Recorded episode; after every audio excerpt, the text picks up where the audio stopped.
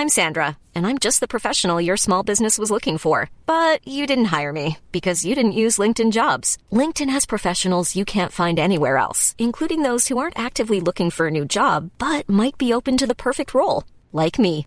In a given month, over 70% of LinkedIn users don't visit other leading job sites. So if you're not looking on LinkedIn, you'll miss out on great candidates like Sandra. Start hiring professionals like a professional. Post your free job on linkedin.com/people today.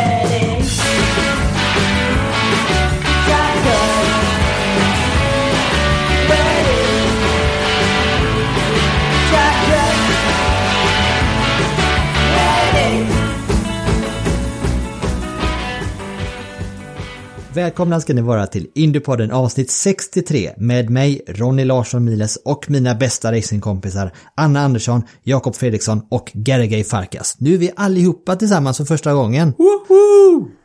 Mm, det var på tiden va? Ja, det är full besättning första gången. Fyra pers. Hur ska det gå? Ja. Ja, det kommer gå åt helvete. Men det är bara Jag- att klippa runt. Jag skulle inte vilja vara den som ska klippa det här avsnittet, Ronny. Jag skulle inte vilja vara du. Nej, men det brukar gå jättebra. Hur står det till annars då? Det står bra till Det är bra tack, jag kan börja. Du ser, vi börjar prata i munnen på varandra direkt. Jo tack, det är bra. Då överlämnar jag ordet till Anna. Det är absolut bra, måste man väl säga. Eh, nu har det varit en vecka med både lite indietester och en jädra massa F1-bilar, så nu känns det som att det är på gång. Jag skulle vilja säga att det här har varit lite tom helg annars för att det inte varit någon racing på tv som jag har följt. Eh, Så tanke på förra helgen när vi hade Arctic Rally Finland och Supercars och det kanske var två helger sedan, eller var det det? Ja, det verkar som att det var mycket, men nu har man bara suttit här och eh, väntat in tiden, för man vill ju se de här nya Formel 1-bilarna och nya Indycar-stallen på banan för racing också. Nu har det bara varit att följa te- tester, men eh, ja, det är i alla fall mars nu. Men vi- visst har det varit väldigt kul att se de nya F1-bilarna presenteras? Det tycker jag i alla fall. Det varit ovanligt rolig, rolig så här presentationssäsong med många snygga bilar. Ja, många nya i alla fall. Eh, Haas var intressant. Eh, Aston Martin var en stor besvikelse hos mig. Jag tycker den ser ut som en tandkräm. Eh, Jättefin men al alpin gillar jag väldigt mycket. Vad tycker ni? Alltså jag kan tycka att det är lite intressant det här vad som kommer hända med den här eh, hasbilen, om den kommer få se ut sådär överhuvudtaget. Med tanke på att Ryssland faktiskt inte får ställa upp, eller inga, man får inte ha någon rysk flagga som förare. Ehm, och så gör man den här varianten då istället bara för att visa att bilen är rysk. Och det ska väl vara där att kika på. Det är väl tveksamt om bilen kommer att se ut så när säsongen startar. Sen tyckte jag ju lite synd om eh, Williams som hade laddat för värsta appen och, och eh, super eh, eh, lanseringen där och sen så blir det hackat och malet för att den blir verkligen hackat. Jag såg ju fram emot att ha den bilen stående på min innergård i radhuslängan där vi bor. Men eh, det, det, det var ju väldigt synd faktiskt. Men jag gillar ändå ansatsen och ambitionen. Men de blev alltså, blev appen hackad? fattar jag som vad så sa blev appen hackad så att ingenting funkar ju. Ehm, och det känns ju lite, med tanke på hur det har gått för Williams de sista åren här så känns det ju lite tråkigt också att det är just Williams som det, Mm. det händer för. Där liksom ambitionen finns och man vill och man vill och man vill men det går liksom inte för man har inte helt rätt alla gånger. Så det tycker jag var Mm. lite trist. Jag håller med Jakob att alpin var en riktigt snygg bil. Men jag tycker över, överlag så alla bilarna kommer vara supercoola i år. Verkligen, framförallt väldigt färgglada. Gillar man att fotografera racerbilar som jag gör så, så finns det ju inget värre än den här grå-svarta sörjan som det har varit ganska länge. Eh, och det känns som att vi är på väg bort från det. Och, och det är ju bara bra. Jag menar Formel 1 ska ju vara färgexplosion och inte minst i, i, i, när man fångar farten i, i fotografisk form, då ska det ju vara de här jättestora färgsprakande explosionerna som, som verkligen visualiserar farten och, och det häftiga med Formel 1. Och det är så otroligt svårt att uppnå med de här tråksvarta bilarna som vi har haft ganska länge. Alltså en svart bil eller mörkgrå bil mot, mot svart eller mörkgrå asfalt. Jag menar, det är, det är inte ens de allra bästa fotograferna kan göra, göra det spännande. Men, men det känns som i år har vi i princip helt lämnat det bakom oss. För till och med Mercedes är lite mer färgsprakande än vad den ofta har varit. Så ja, jag tycker det blir väldigt kul. Men kan det inte också vara lite så att när F1 ändrar sina regler så ändras ju alltid bilarna. Då tar det också typ en säsong för oss eh, att hänga med och tycka liksom att ja, men de här är ju snygga. Innan dess så är det alltid så att man tycker att ja, men det där är fult för det ser inte ut som det ska göra. För det ser inte ut som det gjorde förra året. Och det där är fult och den är för lång och den är för tung. Eh, och där är ändan för bred och där är liksom däcken för, ja vad det nu kan vara. Men nu så är de ju väldigt, väldigt lika fjolårets bilar. Mm. Visst, de blir tyngre, 6 kilo eller vad det är. Men eh, ändå så är det ändå något så här bekvämt eh, ah, man kan sätta sig ner och känna att ja, men säsongen tog slut, men nu startar den igen, bara lite mer färgglatt liksom. Man känner igen sig. När... Exakt, det finns igenkänning. Och, och jag tänker också på vad snabbt man har vant sig vid Halon. Ja, alltså, nu är sjukt. den ju fullt ut så här estetiskt integrerad. Man tänker inte på att den finns där. Liksom. Det, det, den känns som en väldigt naturlig del av de här bilarna. Jag vet att första gången jag var på några tester för några år sedan. Eh, då kom de uppkonkandes, kom Ferrari uppkonkandes med en sån där i pressrummet och ställde upp den liksom på, på eh, golvet där så folk skulle kunna titta på den och alla bara nej vad är det för skräp och det där går ju, det kommer ju aldrig att funka. Och nu sitter vi med en Halo liksom på F1-bilen som man tycker är helt okej okay för att det är säkert. Och vi sitter med en jäkla skärm på Indycar mm. som alla också tycker är helt okej. Okay, fast den förändrar balans och utseende, estetik mm. och, och, hela känslan. Så säger vi bara, ja men det är ju helt okej okay, för nu har vi varit ett år liksom. Mm. Ja, och har redan massa liv, eh, räddade liv på sitt samvete också. Absolut, så det är en bra grej. Men hörni, det är ju nu eh, cirka 40 dagar kvar till säsongspremiären för Indycar. Och, och vår vana trogen så har vi ju ännu ett kanonavsnitt på gång, eh, om jag får säga det själv. För vi har ju ingen mindre än Willie T. Ribs på besök och det är ni, Jakob och Gergej, som träffar honom. Mm. Jakob, för de lyssnare som inte har koll på vem Willie T. Ribs är, vem, vem är han? Förlåt, jag fick precis... Uh jag åt precis eh, flingor innan vi spelade in och det satte sig i halsen precis när det gav mig ordet. Uh. Snälla säg att du äter frostisflingor. Nej, det var startflingor faktiskt. startflingor? Har du fastnat i startgroparna? Ja, precis. Jag tror där får du klippa lite. ja, eller så gör vi inte det.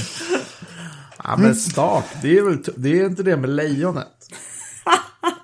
Nej, det är Frosties, förlåt. Ja, det är ju nedsmulade kakor. Det ja, men typ. Ja, men fan, det är sånt jag inte låter min dotter käka. jag kände inte för att laga middag, så det blev, blev bara det. Ja, i alla fall.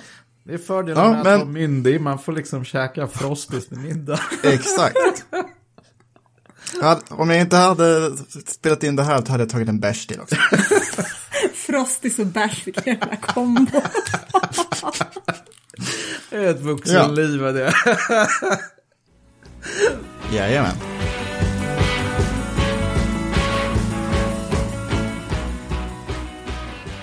Ja, Willie T. Ribbs gjorde sitt namn på 80-talet som en av världens snabbaste sportvagnschaufförer.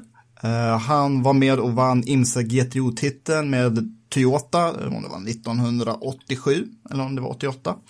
Eh, innan dess så hade han gjort sitt namn i eh, Trans Am-serien där han hade vunnit ett dussintal lopp, dock utan att vinna mästerskapen någon gång. Och innan dess så hade han eh, vunnit brittiska Formel Ford-mästerskapet 1977. Eh, han gjorde en del körningar i Indycar också, gjorde debut 1990 och 1991 så kvalade han in som första afroamerikan att eh, komma till start i Indianapolis 500 och eh, det är ju faktiskt bara han och en enda till afroamerikan på då 110 år som har kvalat in till Indianapolis 500. Vilket är lite uppseendeväckande men när man tänker på att eh, drygt en tredjedel av eh, USA består av eh, ja, är svarta. Så Och vi pratade ju lite om, med honom om just det här, om svårigheterna och varför det ser ut som det gör. När just man har en befolkning där en tredjedel utgörs av, av eh, afroamerikaner och ändå så är det så himla svårt för, för dem att slå sig in i motorsporten. Och det, ja, vi pratade lite om det också frågade om vad han tyckte om Michael Jordans Nascar-projekt som han har dragit igång med Danny Hamlin med Bubba Wallace som förare. Han bjöd på en liten anekdot när han var i Finland och körde Kemara 500 på 80-talet också. Eh, supertrevlig, rolig kille och eh, som vanligt så blev det en alldeles för lång intervju, men när man har Willie T. Reeves på tråden så vill man ju ge honom eh, all tid han vill ge oss. Så det var en, en favoritintervju på en gång. Men innan vi kastar oss in i den intervjun då så tänkte vi prata lite Indycar-nyheter. För, det- för det ligger ju hela tiden och pyr lite smått och, och gott som håller oss, som liksom håller glöd i brasan här nu inför säsongspremiären. För, för det första så var det ju tre team som var testade på Laguna Seca i förra veckan. Det var Arrow McLaren och så var det Dale Coyne och Meyer Shank Racing. Ehm, totalt åtta bilar då. Då hade vi Helio Castroneves och Juan Pablo Montoya, dessa legendarer på plats också.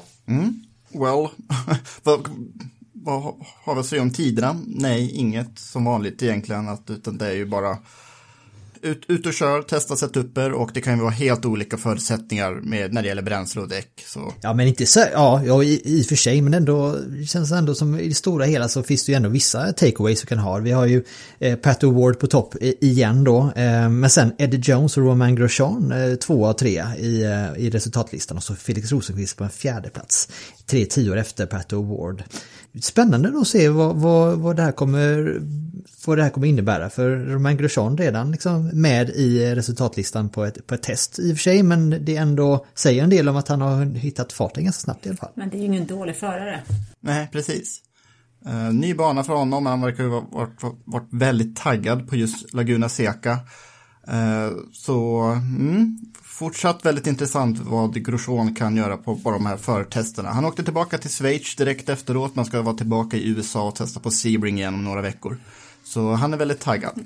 Men alltså, vi har ju sagt det förut eh, och vi säger det igen. Alltså, för de förare som kommer från F1, även om man har legat i botten av F1 så är det ju inga dåliga förare. Det är ofta så att de har kört dåliga bilar. Eller bilar som inte har fungerat. Och nu hamnar man i en eh, helt annan serie där det är istället för att det är bilen som avgör, där det är förare som avgör. Eh, och där föraren får betydligt större betydelse. Så att eh, Indycar är ju betydligt jämnare och, och eh, man ska ju inte tro att Romain Grosjean som har stått på pallen i F1, som har kört F1 så oerhört länge, att det är någon dålig förare. Utan han kommer ju naturligtvis att kunna slå sig, med, slå sig in i toppen om förutsättningarna finns där. Och vad har vi att säga om Felix Rosenqvist? Jag läste en intervju med honom här, jag vet inte om det var motorsport.com eller om det var Autosport. Det är ju samma, ju samma relation typ där. Men eh, då, då ehm, sa Felix om att han saknar fortfarande ett par tio, för det, det är en stor skillnad att komma från, även om det är en så här spexserie då, så är det vissa grundfilosofier när det gäller inställningar och så som man måste anta i beräkningen och anpassa sig till. Så därför håller han, han håller fortfarande på att hitta rätt där i, i McLaren, men det, sakta men säkert så tar han ju framsteg där också. Det ska bli väldigt spännande att se vad om, om McLaren är med och räknar med här nu redan på, i säsongspremiären. Det ser ju onekligen ut så i alla fall. Pat Award känns glödhet inför 2021 års säsong. Ja, och det är månader sedan jag pratade med Felix senast, men då antydde han att den här bilen är mycket mer svårkörd än Ganassi-bilen. Det är ju en annan motor också. Eh, De har ju inte hunnit testa på ovalen, men han var väldigt optimistisk inför de här första ovaltesterna, för han trodde att eh, det jobbet som Starlet har gjort med ovalsetupen gör bilen mer lättkörd än jämfört med Ganassi-bilen på, på ovalen. Alltså han var mer optimistisk inför första ovaltesterna. Men eh, alltså, han vet ju att bilen nu är mer svårkörd på roadcourses men det betyder inte heller långsammare och det har ju de bägge bevisat. Samtidigt så är ju Felix en väldigt flexibel förare som är väldigt duktig på att anpassa sig och anpassa sin körstil till, eh, till olika bilar med olika förutsättningar. Så att vi, ja, jag tror nog att det, det kommer nog gå. Det kanske tar lite tid men det kommer nog, bilen och han kommer nog liksom nötas ihop. Sakta men säkert. Men varför skulle det inte gå? Jag menar med tanke på vad Felix har kört. Han har kört Formel 3, han har kört i Japan, han har kört Formel E, han har kört Indycar, han har kört GT-bilar, han har ju kört allt och han har alltid varit snabb. Och han är ju en racer i själ och hjärta så att det kommer ju att funka. Han kommer ju att få till det. Frågan är bara när.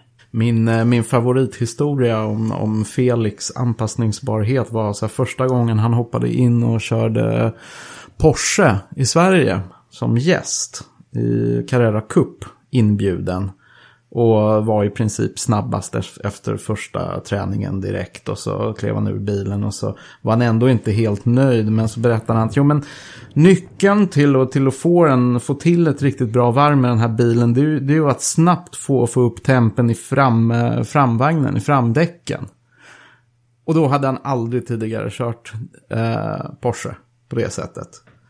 Uh, och det, var, det, liksom, det säger en hel del om, om hans förmåga att snabbt fatta vad en bil handlar om. Liksom hur man ska behandla den. Så att den förmågan tror jag är väldigt mycket värd. Både när man flyttar mellan serier. Men också i en sån här situation när man flyttar mellan team. Och får liksom nya förutsättningar. Men om vi vrider tillbaka fokus till eh, Romain Grosjean, eh, men i, i synnerhet Dale Cohn Racing, så har det ju än så länge varit eh, oklart vem det är som ska ta hand om eh, eh, Romain Grosjeans bil på ovalerna i år. Men nu är det alltså klart att det blir eh, Pietro Fittipaldi som alltså gör comeback i det team han Indycar debuterade för 2018. Den gången blev det totalt sex stycken race för den Amerikafödde eh, brasilianaren. Eh, men vad har vi på Pietro Fittipaldi egentligen? Ja, vi har ju två F1-lopp från förra året kan vi komma ihåg exempelvis ödets ironi att då ersatte han Romain Grosjean och nu hoppar han in i Romain Grosjeans ställe i Indycar. Ja, precis. Barnbarn till Emerson Fittipaldi började sin karriär i Nascar 2011 faktiskt. Ja. Eh, sen vet jag inte vilken serie det var där om det var... Det var, det, det var en så här lokal divisionsserie som bara körde på en och samma bana. Det är inte någon av de tre nationella serierna utan det var gräsrotsserie som också var Nascar-sanktionerat. Men lite som Felix Rosenqvist, väldigt mångsidig. Han har ju, eh, bland annat vann han ju eh, mästerskapet i eh, Formula Renault 3,5 2017. Och så som Anna sa, han har kört Formel 1. Sportvagnsracing har kört en hel del och DTM också då. Ehm, så ja, och något han är extra glad för också det är att han kommer få göra en sån här, han kommer få göra debut i Indy 500. Det var ju tanken var att han skulle gjort, kört i racet redan 2018 då under sin debutsäsong i Indycar. Men det var en, en skada där som satte stopp för det som han ådrog sig i eh, eh, World Endurance Championship det året då. Så det, det satte stopp för de planerna då. Mm. Eh, men hans säsong, Indycar-säsong kommer alltså kicka igång då på Texas Motor Speedway i, i, på första maj. Mm. Vad tror ni, vad tror ni om hans möjligheter att eh, göra bra ifrån sig i år. Alltså det blir en spännande förare att eh, följa. Han kom ju från, från eh, nyligen då när vi såg honom i Formel 1 så gjorde han inte någon eh, människa glad direkt. Eh, men det gjorde ju inte den bilen någon människa överhuvudtaget oavsett vem som satt bakom ratten på den. Så att, eh, det är oerhört svårt att ge någon bedömning. Han har ju kört eh, väldigt mycket olika bilar och tog sig ju en märklig väg för att skaffa sig den här eh, superlicensen som gjorde att han faktiskt eh, kom till Formel 1. Så att det, jag känner att det är ett väldigt osett kort faktiskt. Jag känner jag har ingen aning om vad vi kan förvänta oss av honom överhuvudtaget. Han har ju fått hoppa mellan så himla många olika serier sedan han vann Formel Renault. Och eh, den här skadan han ådrog sig då i World Endurance Championship, det var ju på spa när bilen eh, han körde drog rakt in i räcket i Oro så han bröt benen. Och så, sen dess tror jag inte han kört en full säsong i någonting, utan han har ju varit testförare och hopp, gjort korta inhopp. Han gjorde ju comeback i Indycar eh, efter, efter den skadan och var inblandad i den här kraschen på Pocono när Robert Wickens eh, skadade sig. Så han är ju, han behöver bara mil eh, i sig, så mycket tid i en och samma bil som man bara kan få. Och det får han inte i den här konstellationen heller, men det kanske kan eh, utökas med fler lopp för, för andra stall. Låt se. Han är väl testförare också för eh, Haas, eller reservförare för Haas även nästa säsong tyckte jag såg. Men där får mm. han inte heller köra så mycket om inte någon av om inte Mazepin hittar på någonting eller Schumacher får covid eller något. Så lär det inte bli så mycket där.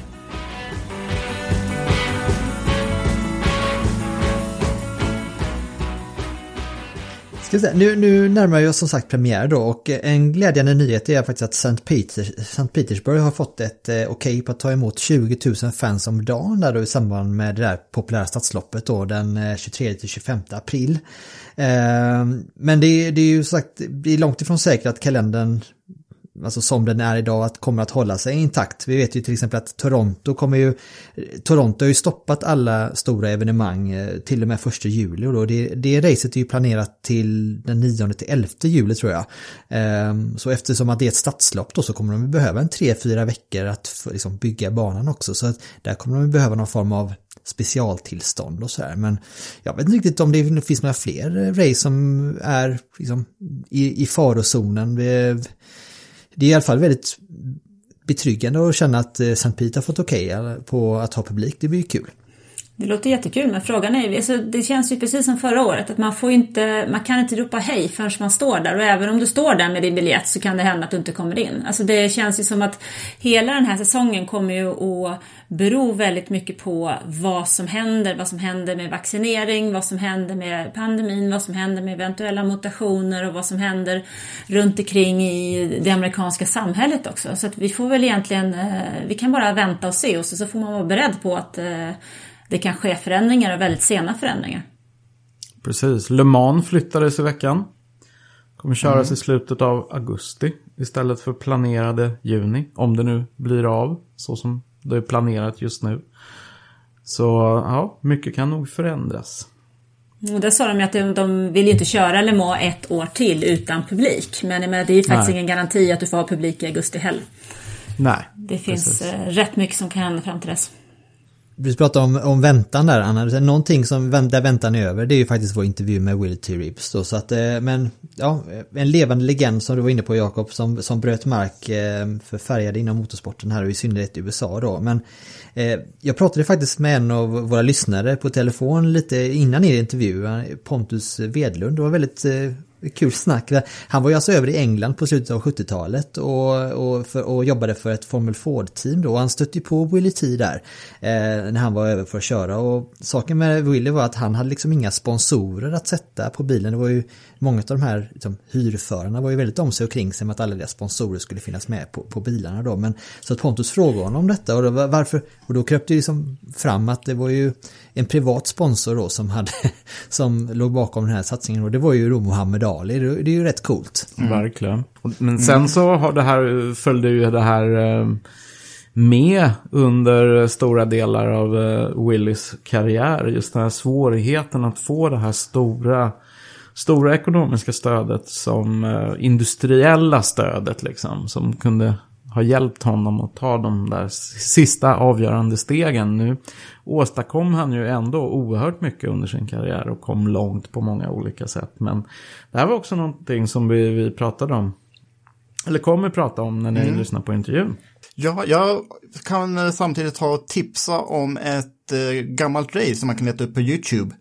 Uh, om man vill se liksom hur eh, Willie T. Reeves slog i underläge när han körde Indycar så leta upp Denvers Grand Prix 1991 så får ni se Willie i en helt osponsrad bil. Eh, var uppe och fightas med familjen Andretti och Penske-bilarna och eh, sin ga gamla nemesis från sportvagnstiden Scott Pruitt som hade eh, storsponsorn Budweiser och så var Willie T där med en ett år gammal bil och en motor som saknade 100 hästkrafter. Så det var riktigt trevligt lopp att kolla på. Denver 91 kan jag tipsa om. Så varsågoda, Willie T. Ribbs. Yeah, so Willie T. Ribbs, thank you very much for joining in the pod tonight. Uh, glad you're doing well and all that.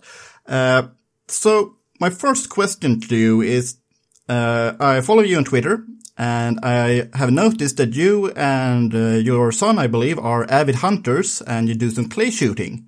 And you had help with a certain Al Unser Jr. with the targets. So can you, uh, well, talk us through uh, your... You know, I, I grew up on a ranch. My grandfather always took me uh, bird hunting, whether it was, and, and we don't shoot anything that we don't eat, right? So it was just a family tradition. So we'd go pheasant hunting and quail hunting. Well, I wanted to do more than that. So I got into clay shooting and as just for fun, like golfing, right? And uh, my son started doing it and going out with me when he was very young, like six, seven years old, and he pushed the buttons for me. And uh, he started uh, taking a, a big interest in it. So he started competing. And now uh, Theo's one of the top shooters in the world uh, in sporting clay. He uh, shoots all over the world. We haven't been to Sweden yet, but Dubai, Italy, England, Jamaica, Mexico. He's he shoots worldwide, and Al Unser Jr. is a, a, a, my business partner and a great friend, and he's like Theo's uncle. So Al goes out with Theo, and Al doesn't shoot that much. He'll Theo uh, uh, uh, have him shoot a little bit, but Al Unser Jr. pushes the buttons for Theo to practice. And Al gets Al's very competitive. Naturally, I mean, when you're uh, as great uh, at the sport as he was, the two-time Indy 500 winner and champion, uh, you know, Al, Al, loves to see Theo do really well, and uh, he, he supports him.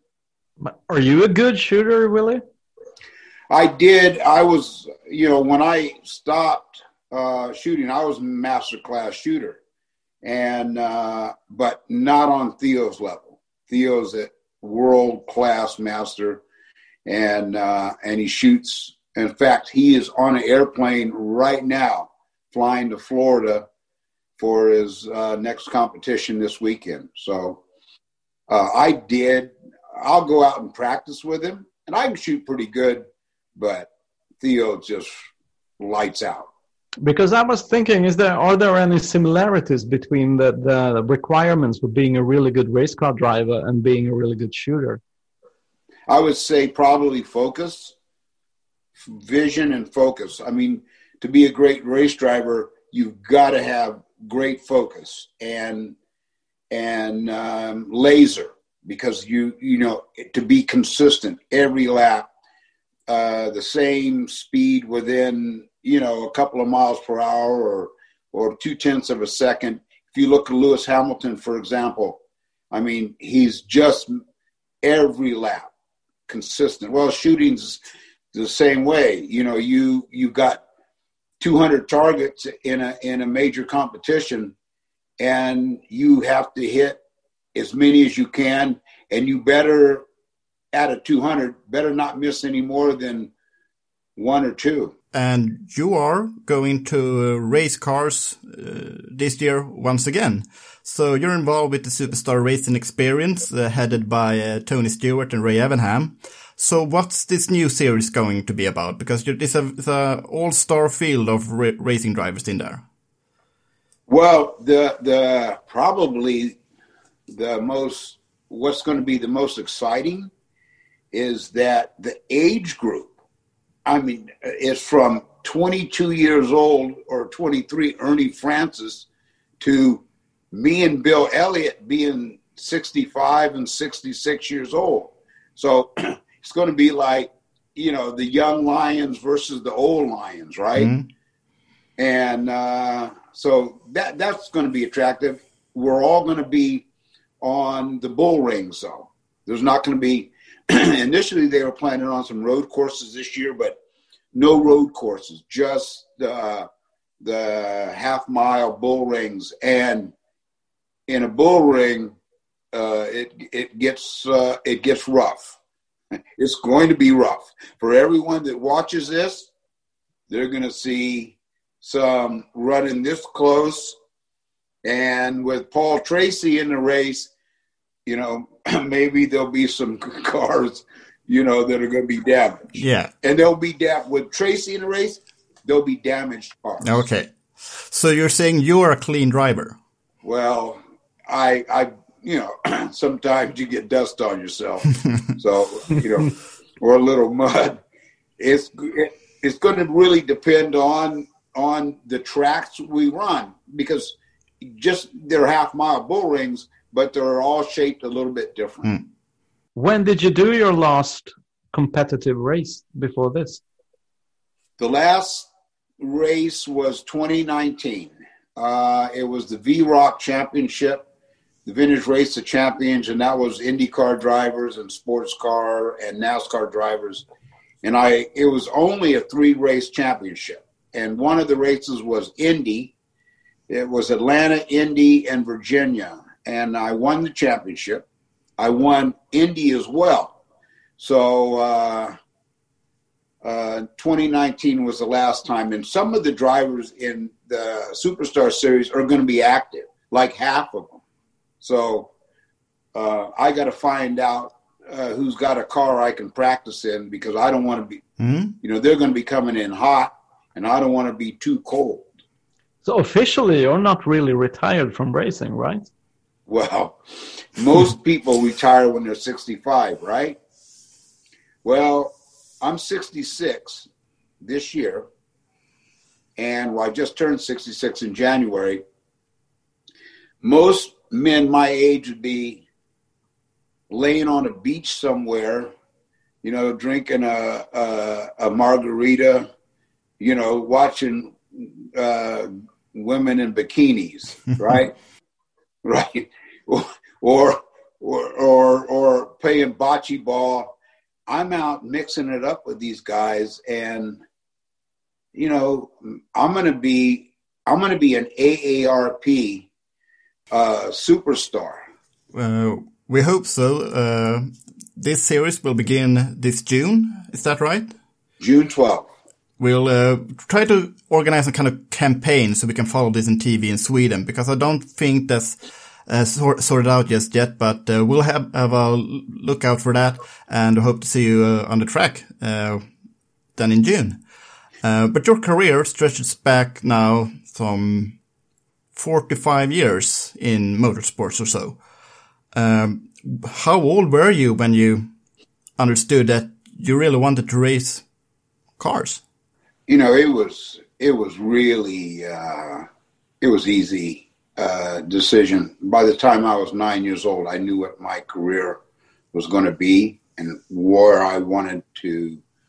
You know, a lot of kids when they're that young, you're trying to decide on what you want to do as a career, what motivates you to be good or great. And I didn't want to work in the family business. I didn't want to be a, law, a lawyer or doctor. All my my aunts and uncles, you need to be a lawyer, you need to be a doctor. I do. I had no interest in that. I wanted to get enough education to be able to read a contract, right, and write, and I wanted enough math uh, education to be able to add up how much money I was going to make. That, that's that's all that mattered. So um, you know, it started at an early age, and I pursued it at an early age. And it, I was fortunate that my father was in racing as a hobby, and um, I had a direction, you know, early on where where I wanted to go. And I went to England uh, and started my career.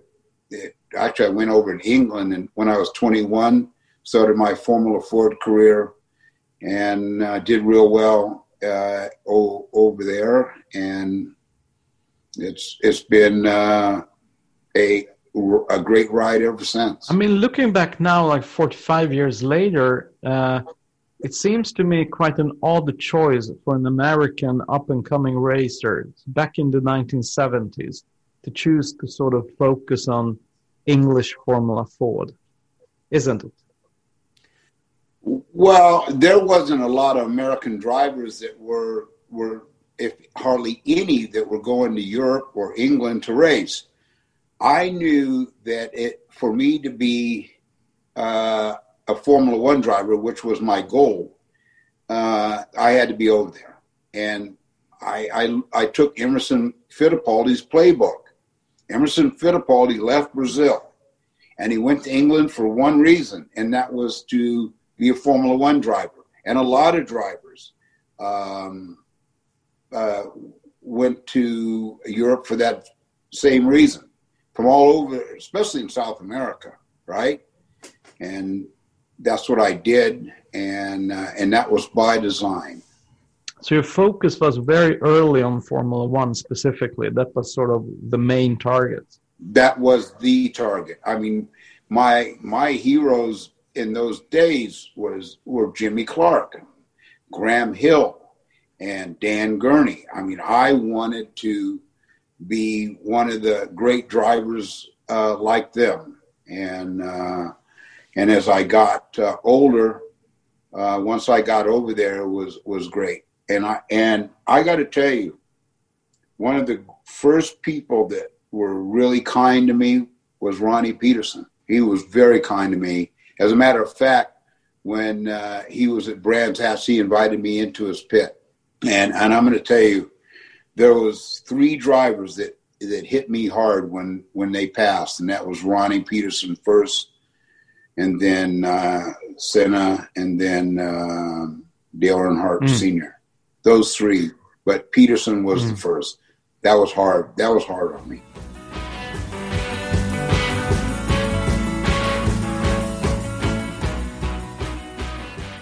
And you did really well in your first season in Formula Ford in England, right? Yeah, the, I, I had good people, and, and to do well, you got to have good people. And um, you know, Scorpion Racing and Mike Eastick, uh, the principal, uh, he he gave me what it took. I ran out of money halfway through the season. I was out, and I told Mike, I said, "Look, we're leading the championship. Uh, what do you what what do I need to do?" He said, "We'll keep racing, just don't crash." Fair enough.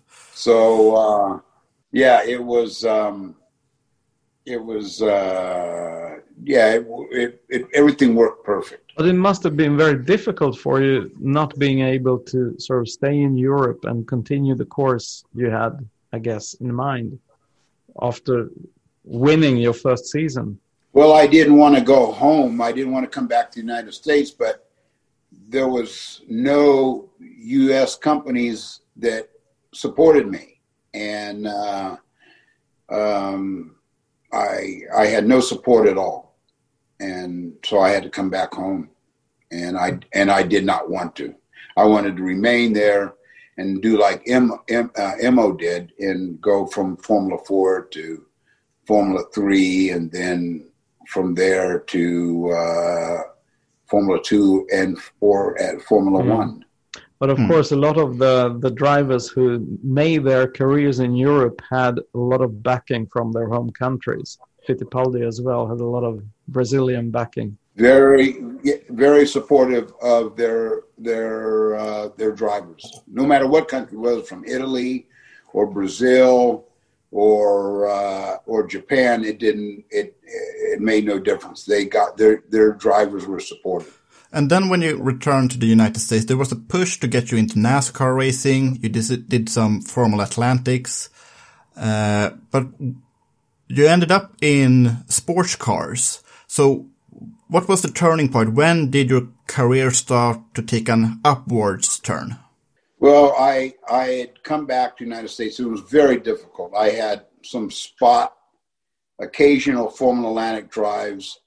Uh, one particular, uh, I think it was might have been my fifth, fourth or fifth Formula Atlantic race, was the Long Beach Grand Prix in 1982. I put it, I qualified on the pole, and on that race was a lot of great drivers from Geoff Brabham to Roberto Moreno to Al Unser Jr. to Michael Andretti. Price. There was just a fabulous field, and I was the fastest guy there. And you know that created you know some some uh, interest. And later on that year, I got a call from Paul Newman. As a matter of fact, it was November of 1982, and uh, Newman called me and says, "I've got a deal for you if you want it. However, it's not open wheel; it's uh, Trans Am sports car." But he says you'll be a paid driver, and it's going to be probably the best team. And I said to him, I don't need to to think about it. I'll do it. And uh, that took me into sports car racing and Trans Am, and and I did real well there, right out, right straight away. So I looked through the results and you won your fourth race. But uh, can you tell us what the Trans Am series were? Was it like uh, op- open cockpit or was it touring cars? What were they like? The cars that was, they were they were very high powered. Um, they weren't even touring cars. They were tube frame, uh, not quite stock cars, but uh, nearly. And they were specifically designed uh, for uh, um, road racing. But touring, they were much m- much uh, heavier and more powerful than touring cars. We're talking Chevy Camaros and Corvettes and Exactly. yeah. Yeah. And uh, you drove there for, well, the rest of the 80s almost. Uh, also dabbled in some IMSA competition, which was the other uh, sports car championship. What were the competition like? Who were the drivers that you raced against? And how close did you came to that championship? Hans Stuck uh, was in Trans Am. He was with Audi. Walter Röhrl uh, was with Audi. Audi was a big time factory team, and uh, and you know they they spent a lot of money, and so I was competing against Hans Stuck, uh, of course, uh, Walter Röhrl from uh, um, I think he's from Finland and um, and then the the drivers here in this country, from Scott Pruett to Walt Dallenbach, there was some uh, at one time uh, for two or three years. Trans Am was just big time, very strong championship, as well as IMSA because late uh, late in the late '80s, I went with Dan Gurney in the Toyota factory team, and. Uh, and racing for Gurney, that was the best. You raced quite hard, quite roughly, but you won a lot of races. So how did you enjoy that time? Because it was not in your mind previously to become a sports car driver, but did you enjoy that environment that's so much that you wanted to stay there to, to make that your career? I didn't want that to be the end game. Now I knew I had to make a, uh, you know, I was married. I had to, I had to keep a wife over my head and my wife's head.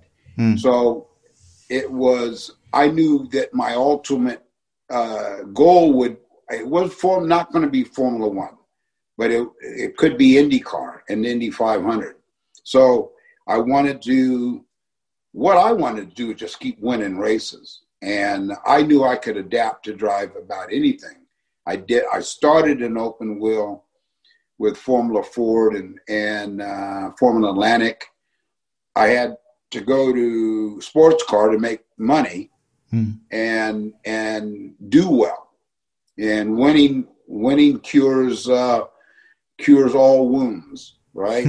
It's about winning. And Yeah. uh, then I got the call from Bill Cosby uh, in the late '80s, uh, and he asked me. He said, "What do you want to do?" And I said, "Well, I want to do the IndyCar Championship, and I want to do the Indy 500." And so he says, "I don't know anything about racing. I don't care about it, but I care uh, that you reach your goal." And that's where Bill Cosby came in. Uh, so it was around this time that you set your mind back onto open wheels. Uh, you also had this first dabble into IndyCars in uh, 1985, uh, but that didn't work out. When did your dream about the Indy 500 start, and when did you really think this is a very tall order to to uh, get to the Indy 500? I was disappointed, and I think the reason Bill Cosby sponsored me is because he he knew that I was a winning race driver, but I wasn't getting a shot and an opportunity to race for IndyCar teams because I was black. He knew that, and I wasn't being sponsored because I was African American. Pure and simple. No matter what they say, that's the facts. So. Um, I knew it was uh, a, a you know a tall order, but I also knew that Michael Andretti and Scott Pruett and Al Unser Jr., who I had raced against when we were younger, were all there, and doing well. So I had no doubts that I could uh, could be competitive. It just had to be, uh, you know, with a good team and good personnel, and and that that goes for any championship you're in. So I, I wasn't. I didn't think it was a tall order. I mean, I had, uh, you know, uh, there was great drivers who I focused on in, in IndyCar, like Bobby Unser, for example, who has been a mentor and a great friend, and and of course my business partner and and Al, Unser Jr. I mean, we are uh, really close, like that, and so I I had people to communicate with um, it, once I was in IndyCar. Could you sort of just elaborate a little bit on on uh, the difficulties of the experience of being a black man and not receiving sponsorship? How how how did you experience that? I've had a lot of drivers, including Bobby Unser, say to me, most drivers would not have dealt with what you dealt with and kept going. They would have quit. And some wouldn't even, some, some wouldn't even tried. Um, I just, I believed that um, I had the talent. And once I knew, when, when someone knows that they can win, you really don't ever give up. If you, if I thought that, you know, I was going to, I couldn't win or never won, um, maybe I would have thought, well, why waste the time?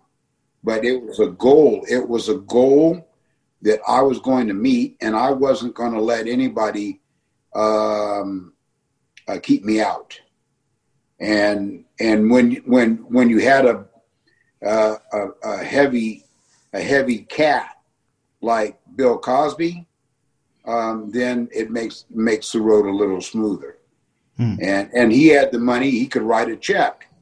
And um, I wish I would have had more uh, African American support. I didn't have any more than him. He was only one. So, uh, um, but we did it.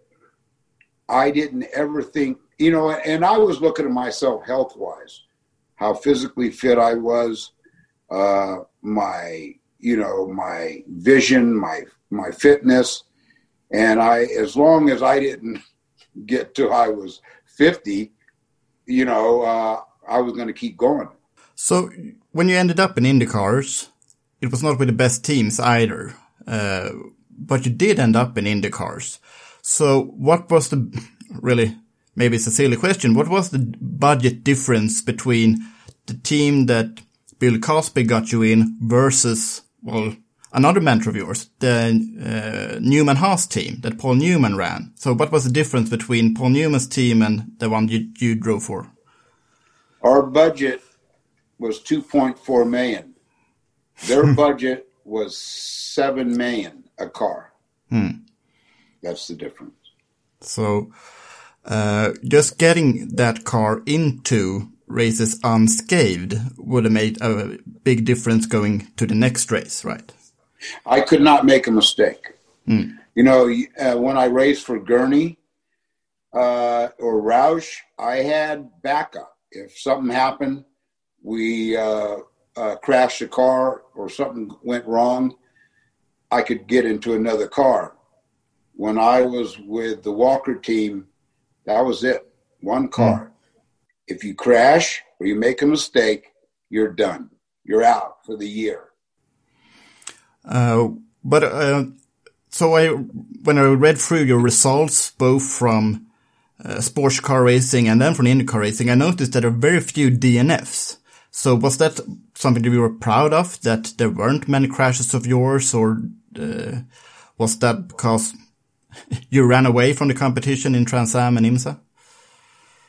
Well, I knew uh, as a driver, you can't, you don't want a reputation as a crasher.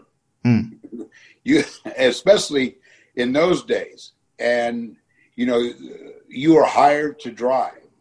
Nowadays, a lot of drivers bring their own money, so they're guaranteed. no matter what mistakes they make, because their sponsors are paying for it. When I was racing, uh, you were hired and you were fired. so uh, don't make any mistakes. Plus, it w- I didn't. I wanted to have. I didn't want that reputation. I wanted to, you know, someone that had great feel, great feel, and uh, for a car and knowing where the edge is and not knowing not to go over the edge. Um, and even if you do go over the edge, not knowing how to, uh, you know, uh, screw it up. Did you ever get hurt while racing? No, No. And this is the 80s that we're talking about when, it was very dangerous. yeah. It was very dangerous. And racing is dangerous now. It was very, very dangerous then. Of course, throughout the 80s, you obviously kept the dream about Formula One alive. And uh, you, you had this test in 1985. Could you give us a little bit about the background to that, how that came about, and your contact with Bernie Ecclestone? Uh, Bernie Ecclestone is is like my uncle, and I I love the man. I met him in 1977 in England. Him and Gordon Murray, in my in my fourth race, came to see me at Brands Hatch.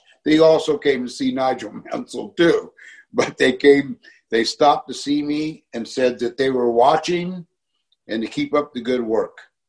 And uh, so when I came back to the United States and I was winning over here in Trans Am, I saw Bernie at Detroit in 1985, the Detroit Formula One Grand Prix, which Trans Am was running uh, in the undercard. So Bernie said to me, he says, I'm bringing you to Portugal at the end of the year to test. And Don King had met Don King, the fight promoter, who was working with me at the time, met with Bernie that same weekend in Detroit, and it was agreed that Willie T. Ribbs was going to test for Bernie at the for uh, in the Brabham in Estoril, Portugal, at the end of 1985, and uh, Bernie did. And one thing about Bernie Ecclestone, when he says he's going to do something, he does it. Now, if it's no, it's no. But if it's yes, it's yes. That's one thing I admire about him. Could you tell us about the test? Yeah, I was I wasn't the fastest guy, but I was toward mid pack. And it was good because it was a five four or five day test.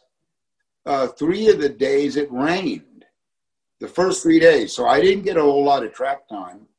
And when I did, you know, the team manager uh, uh, Charlie Whiting said to me, he says, "Look, this is what we want want to do, and this is what we want you to do." And uh, and we did it. And you know, it took a while to understand.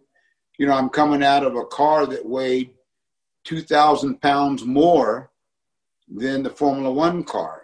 Uh, with and uh, the Brabham at the time had a four-cylinder turbo that had a thousand horsepower, but the thousand horsepower wasn't very manageable. As a matter of fact, Nelson Piquet, when he had just left Brabham, and Nelson Piquet um, uh, went to left Brabham to go to Williams, and that was the V6 Honda that the Williams he was driving versus the four-cylinder turbo BMW.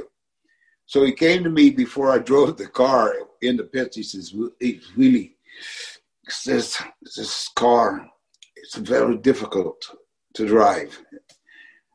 He says to make sure when you put the gas, it's in a straight line. Yeah, I mean those Formula One cars in the mid '80s, they were monsters.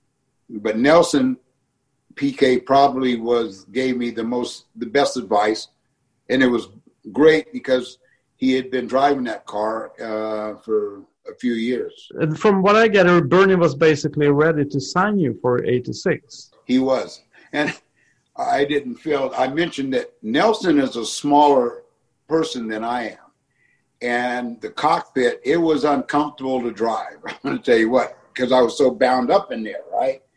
But um, yeah, if Olivetti, which was Bernie's primary uh, title sponsor, would have supported it, I Bernie would have signed me. And uh, um, um, the amazing and the most ironic part of that is it was the same year Lewis Hamilton was born. Same year.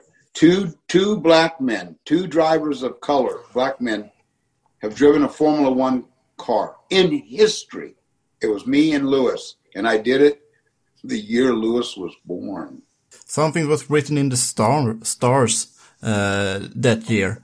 Uh, we, we, we've talked about a little bit about mentors, uh, guys like Paul Newman who helped you along and Ed, uh, Bill Cosby who helped you along. Uh, are- are there any other characters that have been very helpful for you and that you look up as someone has that has dragged you along to make sure that your career got where it deserved? Well, I mean, Jim Trueman, who owned Red Roof Inns and the IndyCar team, he he really he kept he put me he pushed me uh, in Formula Atlantic. It was his money, and hmm. Jim Trueman was. If it wasn't for Trueman, I don't even think I would have got a, a call from Paul Newman. Hmm. But it, you know, it was sort of a, the timeline went from Jim Trueman to Paul Newman to Dan Gurney to Bill Cosby. I mean, Muhammad Ali, he didn't uh, have any influence on the track, but he had influence off the track Mm. as far as being determined and not letting anybody put you down. Mm. Never. You, you do you do not you do not turn the other cheek. If they're mean to you, you be you be ten times meaner to them. That's what that's That's something that Muhammad Ali knew a lot about. But you suddenly mentioned Muhammad Ali. How did you know him? I met him when I was racing in England in Formula Ford. Uh, the motorsports media called me and said, I think it was Autosport magazine called and said, Muhammad Ali is coming to town. We know that you're a big fan of his. We'd like to get a picture of you with Muhammad Ali. So I went and met Ali at the London Hilton and he was very he was very shocked that I was in England, a black man from America in England, and then driving a race car. He was totally shocked. And he said, I want you to stay in touch with me and and and let's talk whenever. And if you have any problems, let me know. And that was how it began.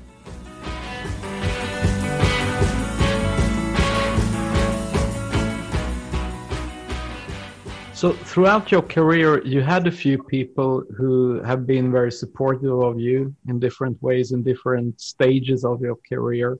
Have you been sort of able to give back the same way and support people?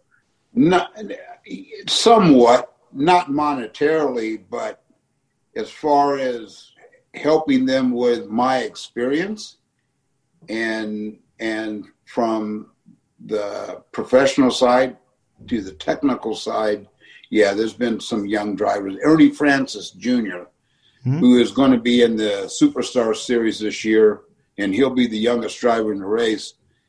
Uh, I, I'm, you know, I'm giving him whatever advice I can. To, and there's a couple other drivers um, that uh, that I've been um, in communication with. So, but part of this shock that Muhammad Ali had, I, I suppose, was that his idea about racing was it's a white guy sport, and sadly, is this it has not become very much more equal since those four to five years ago. Uh, does that upset you a little bit that it's still such a white sport? I, I wouldn't say upset is the word. I would say that I'm surprised. I'm surprised that the multinational companies. I'm surprised uh, in the United States. And let me use the United States as, as an example. African Americans in this country spend trillions of dollars on the companies in this country, whether it's the automobile manufacturers, whether it's product manufacturers. The same sponsors that are in auto racing in this country do not support African American uh, race drivers. They do not. Hmm. And um, that's one of the things I admire about Mercedes. Uh, Mercedes is a German company, and Mercedes has made it possible for Lewis Hamilton to become a history making legend. Mm-hmm. Okay. They've given him, and, you know, and I've always known this with the Germans. They want to win, and they don't give a damn what color you are. Hmm. Not a damn. They want to win. And, uh, and I, and I, when I was testing, uh, Bernie Ecclestone's car in uh, Portugal. BMW was the was the was the engine, and the BMW guys were there, and they were just the best to work with, uh, the Germans. So, uh, we, black drivers don't get that kind of support in America from Ford or Chevrolet or or or or uh, any other manufacturer or Toyota. They don't get it. Hmm. Do you think that uh, like Bubba Wallace has a shot at becoming a, a, a winning driver in his series? Yeah, I, I, I think it's going to depend on just how much commitment Michael Jordan has. Okay. Yeah. This this you know uh, NASCAR is not going to roll out the red carpet for you. Mm. Okay. They don't give a damn. Uh, so um, I, I think that it's going to be you just got to stay. He can do it, but you're going to have to you, you you're going to have to lay the lumber down, son, mm. and you're going to have to uh, continuous uh, commitment from Michael Jordan, financial. Okay, you you and and Michael needs to try to understand the sport. Okay, you just can't show up, you know, and sign some autographs and sit in, in the own in the uh, owner's box. You've got to understand the sport, hmm. and more importantly, the technical side. That's what Michael Jordan's got to understand: the technical side. Um, we also have this uh, race for change and equality program in IndyCar. Have you uh, looked into that? Are you interested in that pr program in any way? I've talked to Roger Penske about it several times, and they've got a young driver uh, named Myles Rowe uh, who uh, who um, Will Power discovered, mm-hmm. and so you know it, it's it's it's sort of you know like I started like Formula Ford, and it's it's it's it's um, beginning a beginner's program. Um, I think once again, corporate America has got to support Roger Penske, has got to support their team, uh, the Force Indy team. They've got to do it, mm. and and not they've got to do it, whether they want to or not. Um, there's a lot of African Americans that could turn their back on the same companies that don't do it. Okay. If you don't do it and you're doing the other drivers, all right, it's going to, it could cost you hmm. financially. We have, of course, seen quite a lot of political polarization in the US. From your perspective, have, has that sort of affected the motorsport community itself? Uh, not not not that much.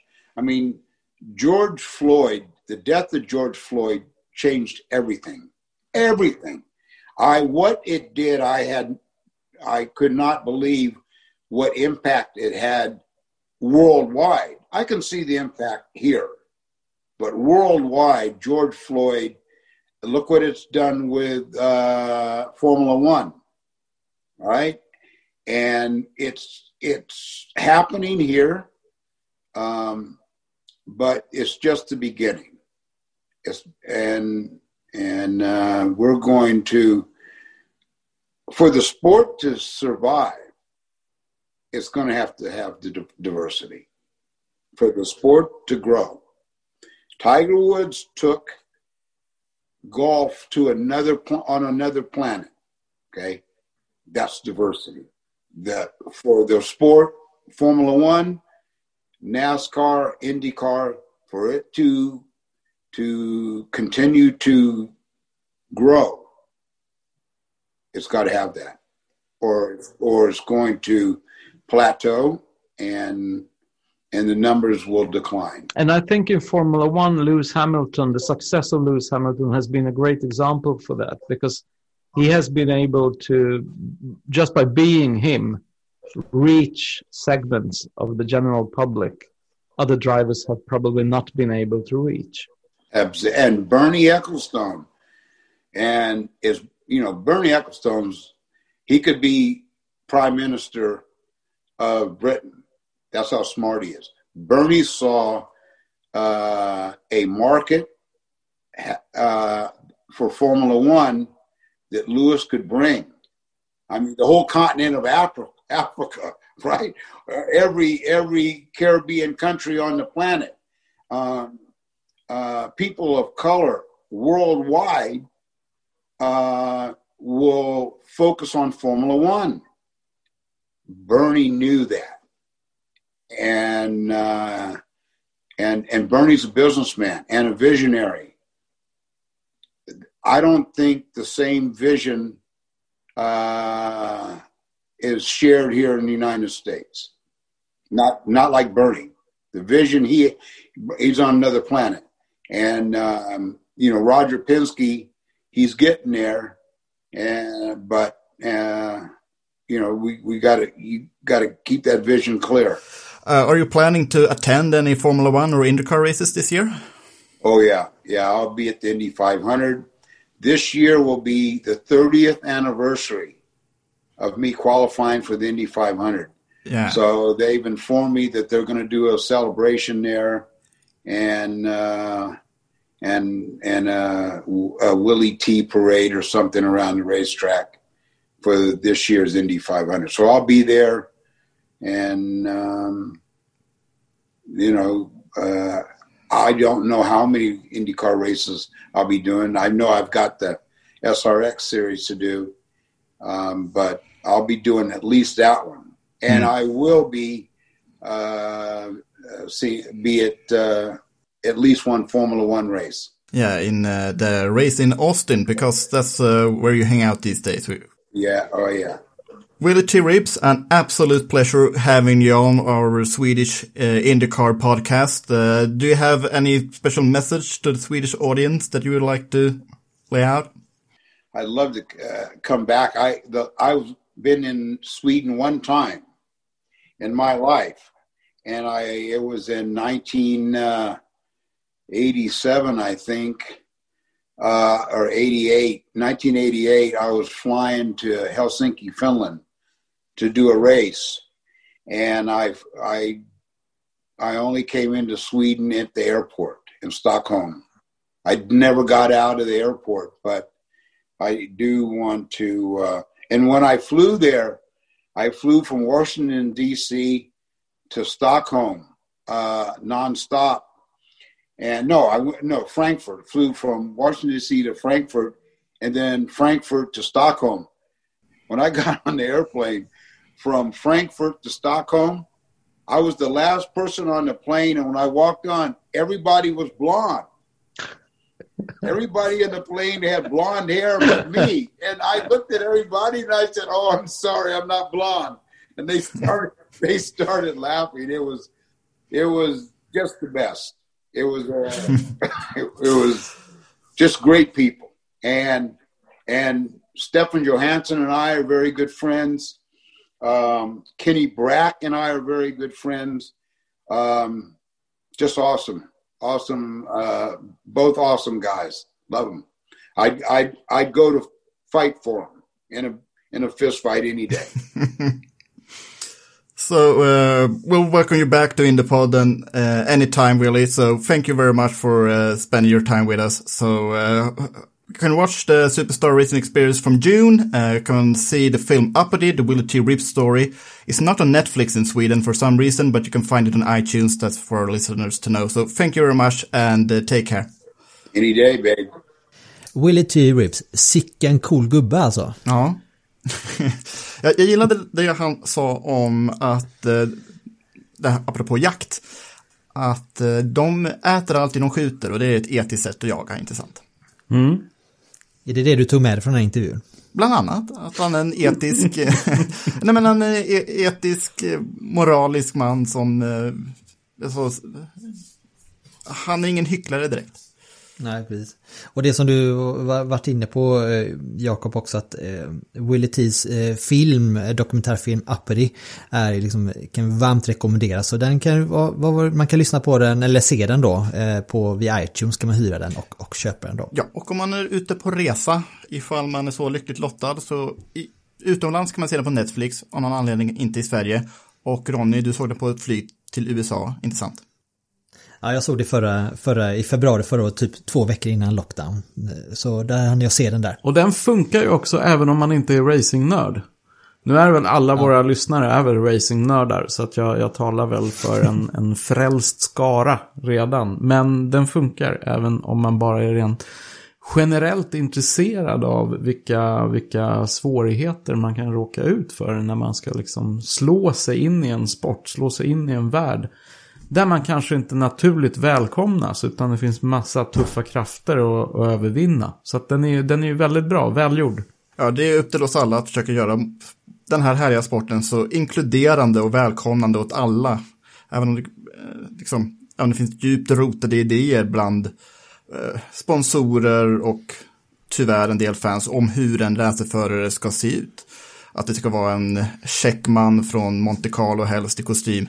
Eh, det kan vara en kille som, eh, en afroamerikan från en som drivit en farm i Kalifornien som kommer med hängselbyxor. Uh, Willie T. Reeves är himla cool och han ska ha hur mycket kul som helst för han åstadkom det han lyckades åstadkomma. Jag pratade faktiskt med en helt annan förare häromdagen om ungefär samma sak. Också någon som känner att eh, hen kanske borde eller har förtjänat sin rättmätiga plats i den absoluta motorsporttoppen. En finländsk kvinna. Emma Ah. Kimiläinen. Okej. Som eh, absolut inte har gett upp hoppet om att nå längre med sin karriär, i sin internationella karriär och siktar, bara fortsätter sikta riktigt, riktigt högt och även bortom W-series som hon ska köra i år och siktar på att klämma titeln.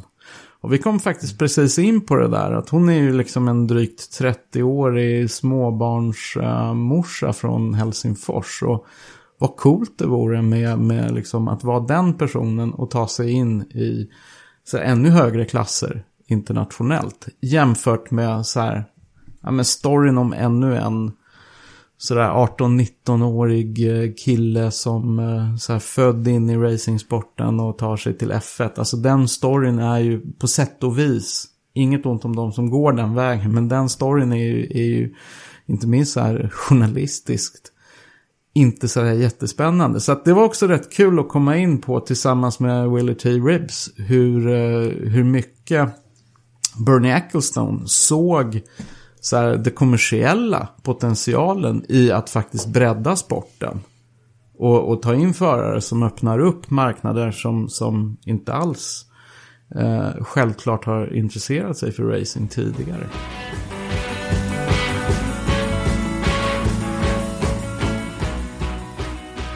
Men avslutningsvis innan vi stänger butiken så tänkte vi att vi skulle ta upp någonting som, som får bli veckans snackis. Och Det var ju under, under Indycars mediadag här nu i veckan då där förare och team fick möta pressen för fotografering och intervjuer. Då, då flashade ju Ed Carpenter Racings eh, Connor Daly en väldigt frodig gammal hederlig hockeyfrilla. Nu kommer vi till de allvarliga punkterna i dagens Ja. Indiepodd, eller hur? De riktigt intressanta diskussionerna. Ja, ja. Men Connor kör ju även Nascar Truck Series där, och där passar kanske den här frisyren alldeles utmärkt då. Men det fick mig samtidigt att tänka på de här, så här karaktäristiska för- förarfrisyrer genom historien och, och fundera på om ni har några favoriter. Ja, alltså Jacques Villeneuve, han har ju eh, lika många frisyrer som han är år gammal som platsar på den här listan känns det som. Det var ju en ny varje helg. Den ena med- värre blonderad än den andra nästan rumpnisse och en tredje något helt annat. Så att, eh, eh, han platsar väl oavsett eh, veckans dagar tror jag. Men Där hade ju Kenny Bräck eh, typ lite samma tanke, den här blond, blonderade historien. Då. Men det, det, han, frågan är vem som kom på det först. Ja, sen hade ju Kenny hade ju fördelen av att faktiskt ha hår. Så det, där låg ju Jacques Villeneuve lite i lä alltså. Alltså jag, Han ligger väl fortfarande i- rejält i lä. Ja men Jacques började ju faktiskt karriären med hästsvans. Vilket ju är helt fantastiskt. Långt hår, hästsvans och såna här små runda glasögon. Eh, Men sen dök ju den här vita frisyren upp någonstans där. Jag vet inte riktigt eh, om han tappat huvudet någonstans på vägen. Med denna tanke på den. Alltså, det kändes som att håret frästes, frättes bort i samband med den blonderingen. Ja, någonstans i slutet av 90-talet så var det någonting som han, han tappade i alla fall.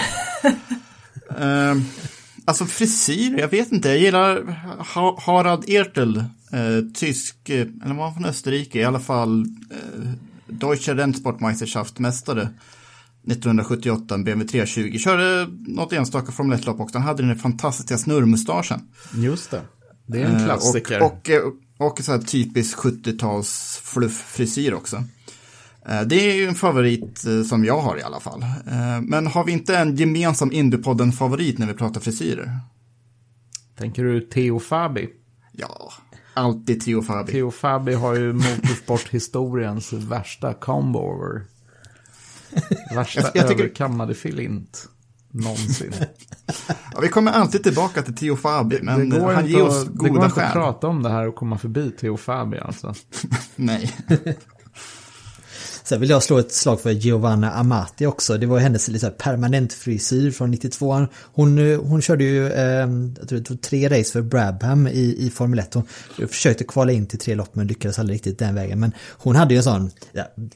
Falcon Crest eh, frisyr, du vet, så här, riktigt eh, skön volym på den. Det, den det, det var hon och John Bon Jovi ungefär. Så ungefär enorm lejonman liksom.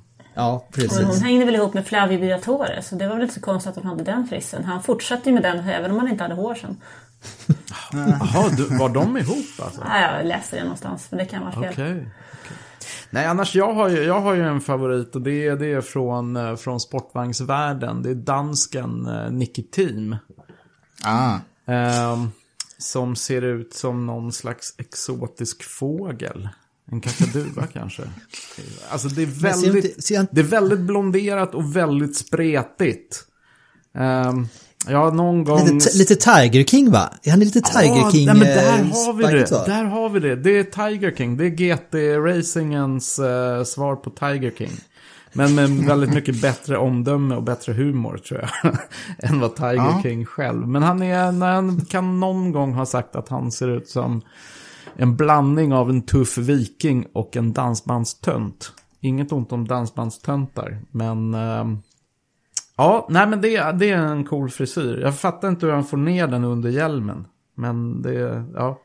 Sen så tycker jag, man får ju, alltså Conor Daly vill säga att den var coolt och han, var, han la ut den själv och var väldigt stolt över den i sociala medier. Men han fick ju svar på tal där av Derek Daly så sa han att ja men det där var ju, det där var ju du inte först med typ och så visade han en bild på sig själv då. Eh, den var ju minst lika rockig i sin, eh, i sin fulla längd bak till. Vad säger man? Vad säger man? Business in the front, party in the back. Exakt. Ä- Äpplet faller inte så långt ifrån trädet heller. Men Anna, var, hade inte Schumacher också lite, lite hockeyfrilla där ett tag på 90-talet? Eh, jo, det hade han väl 90, 92 va? Han, gjorde, kom, han gjorde, debuterade där 91. Men 92 tyckte jag att det var väldigt mycket eh, lockar vid öronen om jag inte minns helt fel. Men eh, så, Och då hade ju i princip alla tyska män hade ju det. Så att han var ju inte unik på något sätt. Det var ju så här standarden för tyska män typ 89 till 94. Alltså du behöver ju inte, jag flyttade till Tyskland 2001 och då fanns det fortfarande kvar. Och gärna lite för Okej. gärna väldigt korta jeans och eh, rutiga skjortor också. Vi konstaterade vid många tillfällen där när vi bodde där att eh, det är få länder som ändå har så oerhört många duktiga designers där folk har som urusel klädstil. Men apropå frisyrer så vill jag bara avsluta faktiskt med en annan Indycar-förare och det är Ari Lindike som har alltid haft långt svallande hår och det hade han särskilt när han var framgångsrik i början av 90-talet. Så vi, vi, vi hamnar ju någonstans där att de bästa racingfrisyrerna skedde i någonstans mellan ja, eh, decennieskiftet 80-90-talet måste det vara. Så vi har nämnt, nämnt Amati, Fabi, ehm, Schumacher och så får jag lov att landa med Ari Lyondikes också så här popsvall från den tiden. Nu, du har ju inte Lion framför mig på hornhinnan sådär, men visst hade han ganska så här, så här filmstjärnesvall Ja, på sitt hår? Hade han inte det? precis. Nej, fantastiskt. Så hoppas att resten av Indycar-fältet försöker one-uppa eh, Connor Daly nu. Eh, om inte annat får de försöka göra det på banan. Fortfarande en månad kvar till eh, cirkusen anländer till Birmingham och Barber Motorsports Park. Alltid när jag nämner det faktumet att det är så lång tid kvar så blir det så här tapp, tappar, får lite, det blir lite annöd på mig. Men eh, ja, dagarna rullar ju på så vi är snart där.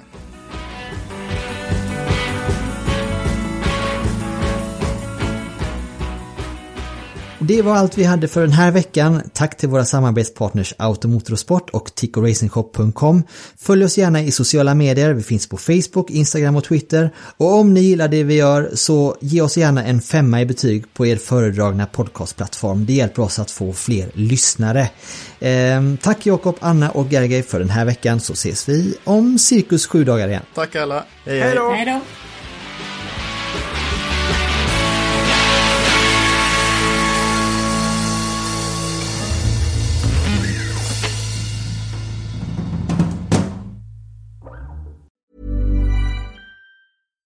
When you make decisions for your company, you look for the no-brainers. And if you have a lot of mailing to do, stamps.com is the ultimate no-brainer. It streamlines your processes to make your business more efficient, which makes you less busy. Mail checks, invoices, legal documents, and everything you need to keep your business running with stamps.com. Seamlessly connect with every major marketplace and shopping cart. Schedule package pickups and see your cheapest and fastest shipping options from different carriers with rates up to 89% off USPS and UPS rates. And with the stamps.com mobile app, you can take care of mailing and shipping wherever you are. Make the same no-brainer decision as over 1 million other businesses with stamps.com. Sign up with code program for a 4-week trial plus free postage and a free digital scale. No long-term commitments or contracts. That's stamps.com. Code program.